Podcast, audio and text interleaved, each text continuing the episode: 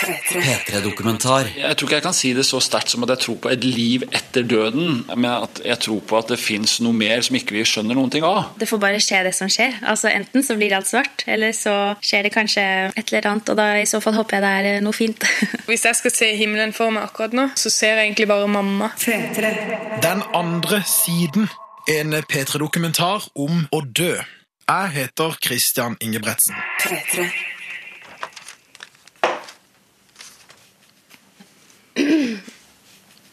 Jeg har tenkt masse på døden i det siste. Jeg har ikke nødvendigvis tenkt at jeg skal det snart, men jeg har fundert litt rundt temaet. Hvordan er det å motta dødsbudskapet? Hva sier det til deg? Og hva skjer etterpå? Treffer man noensinne igjen de man er glad i? Jeg har et helt annet forhold til døden nå enn tidligere. Før gjorde den meg vettskremt, så jeg bare unnlot å tenke på den. Nå har jeg forstått at døden ikke nødvendigvis bare er noe grusomt og forferdelig, men også noe helt naturlig. Døden er jo akkurat like vanlig som en fødsel. Det er egentlig fascinerende at vi hyller det ene og skyr det andre. Dette her skrev du da på bloggen din. Mhm. Kan du huske når det var? Det var vel på denne tida i fjor, tenker jeg. Ja. Litt, eh, litt over et år, tenker jeg. Når var det du begynte å blogge, da? Eh, Jeg begynte å blogge mm, med en gang jeg fikk diagnosen. Nå skal det handle om noe vi alle har til felles, nemlig døden. Om vi vil eller ei, så skal vi alle en gang forlate det vi kaller livet. Så hvorfor er vi egentlig så redd for denne døden? Og hva vil skje etterpå?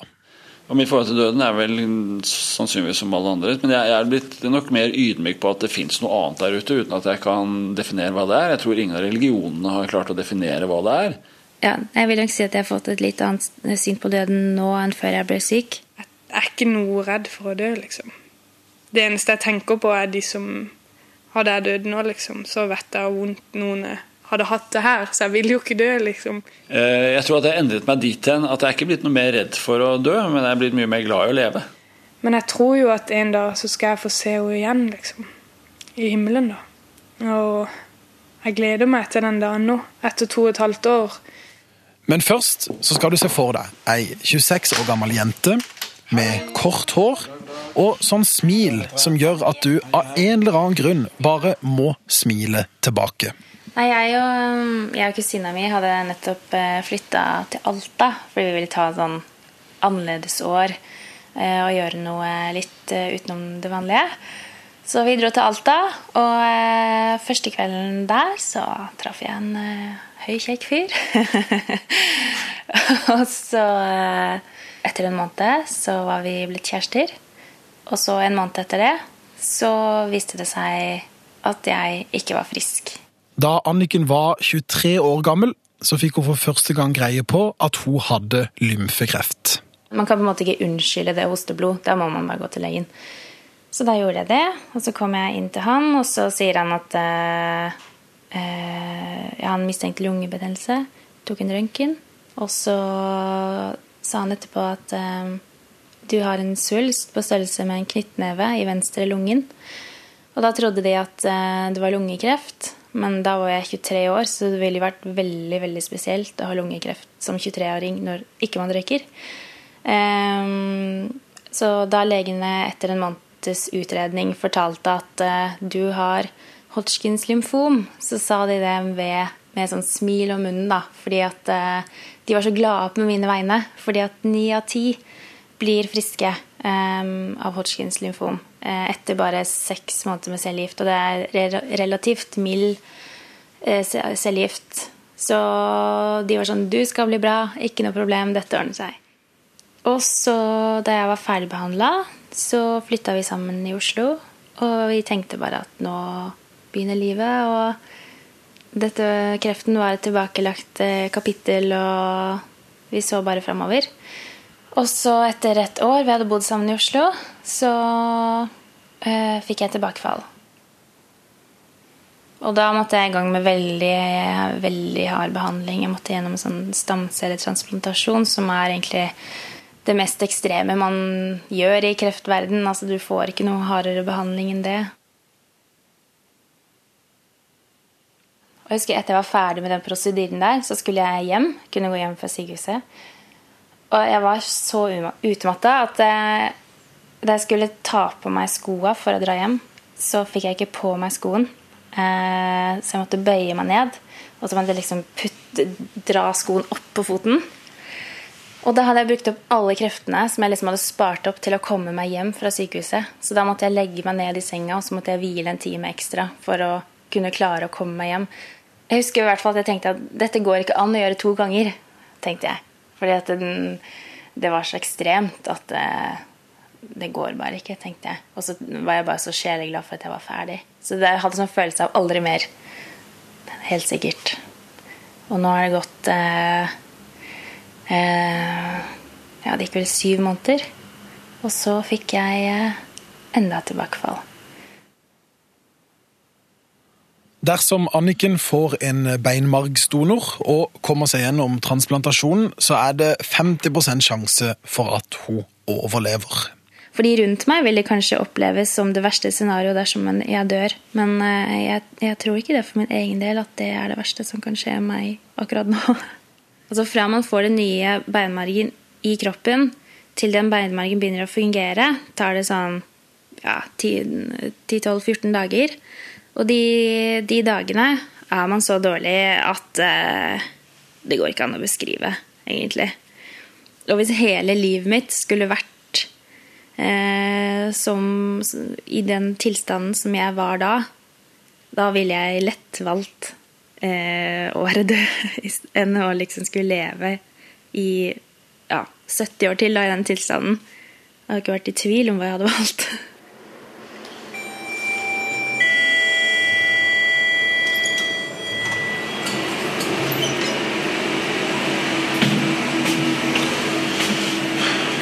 Ganske så nærme himmelen, i 23. etasje på Postgirobygget i Oslo, så skal vi møte en som faktisk har vært i himmelen.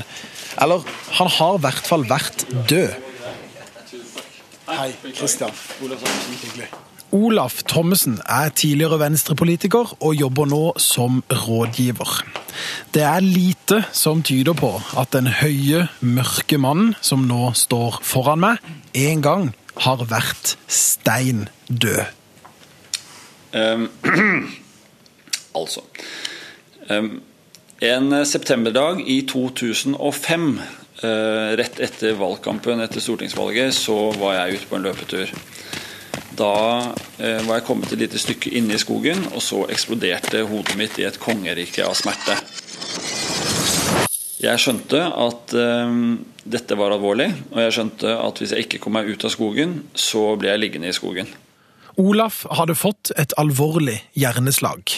Um, jeg klarte å komme meg ut. Uh, jeg ble møtt av en uh, mann som tilfeldigvis hadde kommet opp på parkeringsplassen der jeg sto, uh, og han kjørte meg til ambulanse, eller kjørte meg for å møte ambulansen.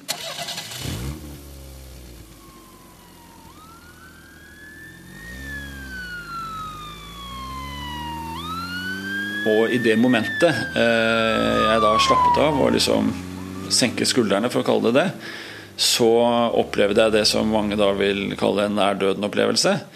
Eh, hvor da min mor, som hadde vært død i nesten ti år på det tidspunktet, kom og hentet meg. Min mor kom til meg i en eller annen eh, fysisk figur som var annerledes enn den hun egentlig var. men ansiktet var veldig tydelig. hun var ganske svevende. Eh, men hun var Jeg mener å huske at hun av alle ting var rosa. Eh, det var hun sjelden, kan jeg si, i levende livet.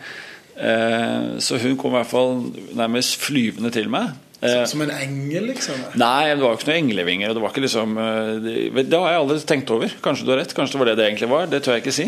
Men det var altså en flyvende figur. Men hennes skikkelse var veldig tydelig.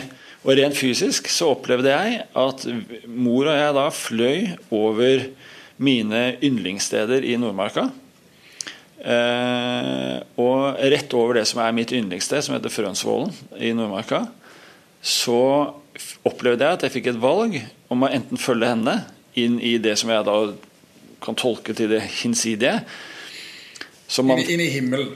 Ja, eller i hvert fall et hinsidig sted. altså Et annet sted. Eh, på den andre siden, kall det hva du vil. Uavhengig av religion, liksom. Um, eh, og det manifesterte seg egentlig bare som et skylag. Altså Det var ikke det du har lest om som en tunnel og lys. og sånn Det var liksom at jeg kunne følge henne inn på en annen, en annen dimensjon. Familien til Olaf fikk beskjed om å komme og ta farvel. Og da svevde jeg så vidt jeg har forstått, mellom liv og død. Og jeg har også en opplevelse av det, eh, hvor jeg husker at jeg flørtet med å forlate denne dimensjonen, da, for å kalle det, eller denne, dette livet eller denne jorden. Eh, hvor jeg fløy utover eh, langs hele horisonten helt til det buttet. Og så tenkte jeg nei, og så fløy jeg tilbake igjen. Liksom, eh, og, det, og, det, I journalen så fremkommer dette med ulike hjertefrekvenser og sånn, uten at jeg kan tidfeste det ene eller det andre.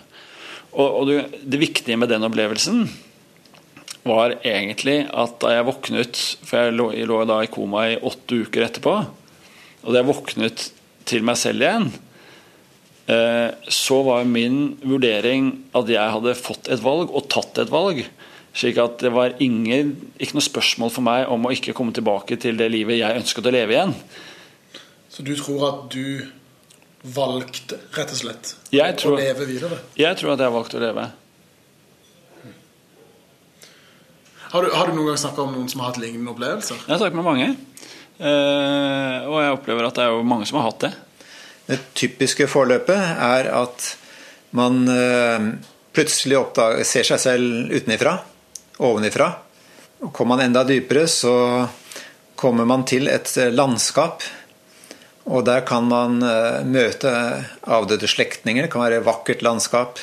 Jon Mannsåker har i over 30 år fulgt med i vitenskapelig forskning omkring slike nær døden-opplevelser. En nær døden-opplevelse er eh, en opplevelse som man har når man er kritisk nær døden. Eh, enten på operasjonsbordet eller trafikkulykke eller andre situasjoner. Hvor man opplever å være nesten død. Ifølge Mannsåker viser undersøkelser at mellom 8 og 15% av de som har vært kritisk nær døden, f.eks. ved hjertestans, har hatt en slik opplevelse, med ganske like fellestrekk? Det er forskjellige eh, teorier om hva det kan skyldes. noen sier at det eh, en, man konstruerer en eh, opplevelse når man er kritisk nær døden, for å demme opp for det at man holder på å dø. Så det er en innbilning. Det store flertallet etter en opplevelse mister enhver frykt for døden og tror på et liv etter døden. Så de tror det var en nærkontakt med døden også ateister. Samtidig så blir de mindre religiøse i den forstand at det blir mindre viktig å delta i religiøse organisasjoner, mindre viktig å gå i kirken. Men de lever mer åndelig. Det er viktigere for dem. Men jeg tror det er fordi at da, da, trenger de liksom ikke å, Da vet de at det er et liv etter døden. Så da trenger de liksom ikke å jobbe for å komme, komme dit. Det er det de sier, at det er ikke nødvendig med gudstjeneste. De har hatt den kontakten. Det gjelder bare å leve riktig. Man har gjort studier med folk som har hatt hjertestans. Og når man ikke får blod, oksygen til hjernen, så vet man at det blir hjernestans. Og de blir lagt til overvåkning med EEG. Og mens de har hatt helt flatt signal fra EEG, altså en elektrisk død hjerne, så har de fortsatt hatt disse nær døden-opplevelsene. Det har man kunnet sjekke timingen på opplevelsen i forhold til det eh, medisinske forløpet. Betyr dette at det faktisk finnes noe der på den andre siden. Selv om det ikke er, kan si noe sånn 100 vitenskapelig sikkert om hva dette er, så som jeg sa, min uh, for, arbeidshypotese som ble, Min dagens forståelse er at dette er en, uh, tyder på en realitet. Og vi har ikke noe å frykte, egentlig.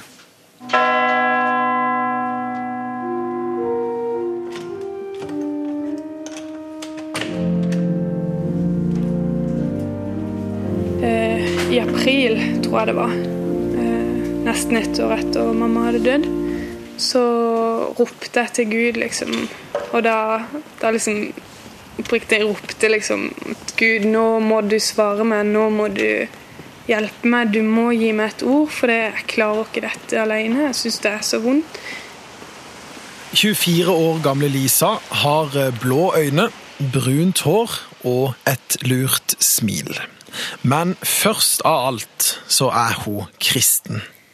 Hun var veldig med godt mot, og hun trodde jo liksom på Gud. og Hun var helt fra dag én fra hun fikk høre at hun hadde kreft, så trodde på at hun skulle bli helbreda. To måneder før mamma døde, så kom hun inn på Så ble hun så dårlig at hun kom inn på lindrende enhet i Kristiansand. Så begynte en jo å tenke liksom at åh, nå mamma, nå har jeg bare liksom lyst til at du skal få slippe, da. At, at jeg nesten tenkte at det var bedre at hun bare døde. Den siste dagen hun levde, var en torsdag. Og Da var min bror og pappa der inne hos mamma, og så ringte de etter en time og sa at nå må du komme. Så hadde hun nesten ingen flere krefter, så hun pusta veldig sånn tungt. Det hørtes veldig slitsomt ut, liksom. men samtidig så så var hun bare helt fredfull, som, samme som hun hadde vært hele tida. Så sovna hun inn da, i et, ja, titida på kvelden. Og da var det jo som Da så du jo med en gang, etter det siste gang hun pusta ut, at eh, nå var hun ikke der lenger.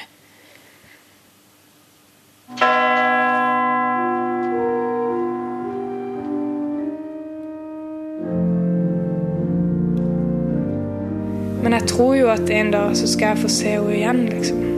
I himmelen, da. Jeg gleder meg til den dagen nå, etter to og et halvt år. Men gjør det, gjør det at sånn den dagen du skal dø sjøl, da, for det skal vi jo alle, Ja. eh, kommer du til å være mindre redd for det da? Ja, det kommer jeg. På skolen så sa, jeg, så sa jeg det bare det var veldig sånn, Jeg vet ikke hvorfor jeg sa det, ja, men det gjør ikke noe. Jeg er ikke redd for å dø. Og så ble de liksom, de jeg snakka med, ble liksom I hvert fall noen av de så nesten litt sånn sjokka jo, da. Så hørte jeg bare i sin bakgrunn at han ene spurte han andre da, ja, er, er du redd for å dø. Så sa han ja, er ikke alle det, liksom. Og da tenkte jeg meg om at jeg er jo faktisk Jeg er ikke noe redd for å dø, liksom. Det eneste jeg tenker på, er de som Hadde jeg dødd nå, liksom, så vet jeg hvor vondt noen hadde hatt det her. Så jeg vil jo ikke dø, liksom. Men jeg er ikke For mitt eget liv så er jeg ikke redd for det. Ja. Så som jeg tenker, Hvis jeg skal se himmelen for meg akkurat nå, så ser jeg liksom bare sånn syk, perfekt natur, liksom, som du som jeg ikke klarer å forestille meg. Men det er bare liksom diffust. Og så ser jeg egentlig bare mamma som bare står med åpne armer og liksom bare smiler til meg og bare gleder seg til til å gi meg en klem. da. Altså, da jeg begynte å reflektere rundt døden, da, da tenkte jeg mest på Hvis jeg skal dø av kreft, eh, hvordan vil det bli? Hvordan vil det foregå? Det er jo ikke en hyggelig død å dø av kreft. Og litt sånn Hva skjer hvis jeg dør? Altså, hva skjer med, med de rundt meg? Og kommer de til å Jeg vil jo gjerne at hvis jeg Eller når jeg dør Alle skal jo dø. Eh, og uansett om det skjer eh, nå eller om eh, 70 år til, så håper jeg at, eh, at eh, de kommer seg videre, da. Det har jeg også tenkt en del på. At eh, jeg syns ikke det er noe ålreit å påføre andre smerte.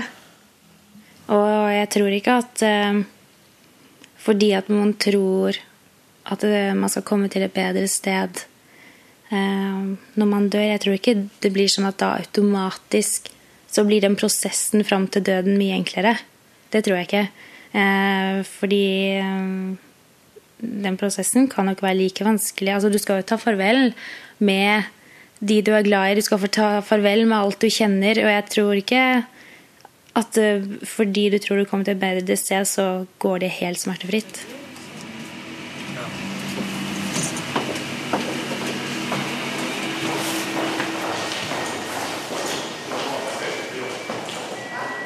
Og Mitt forhold til døden er vel sannsynligvis som alle andre. Men jeg er blitt nok mer ydmyk på at det fins noe annet der ute, uten at jeg kan definere hva det er. Jeg tror ingen av religionene har klart å definere hva det er.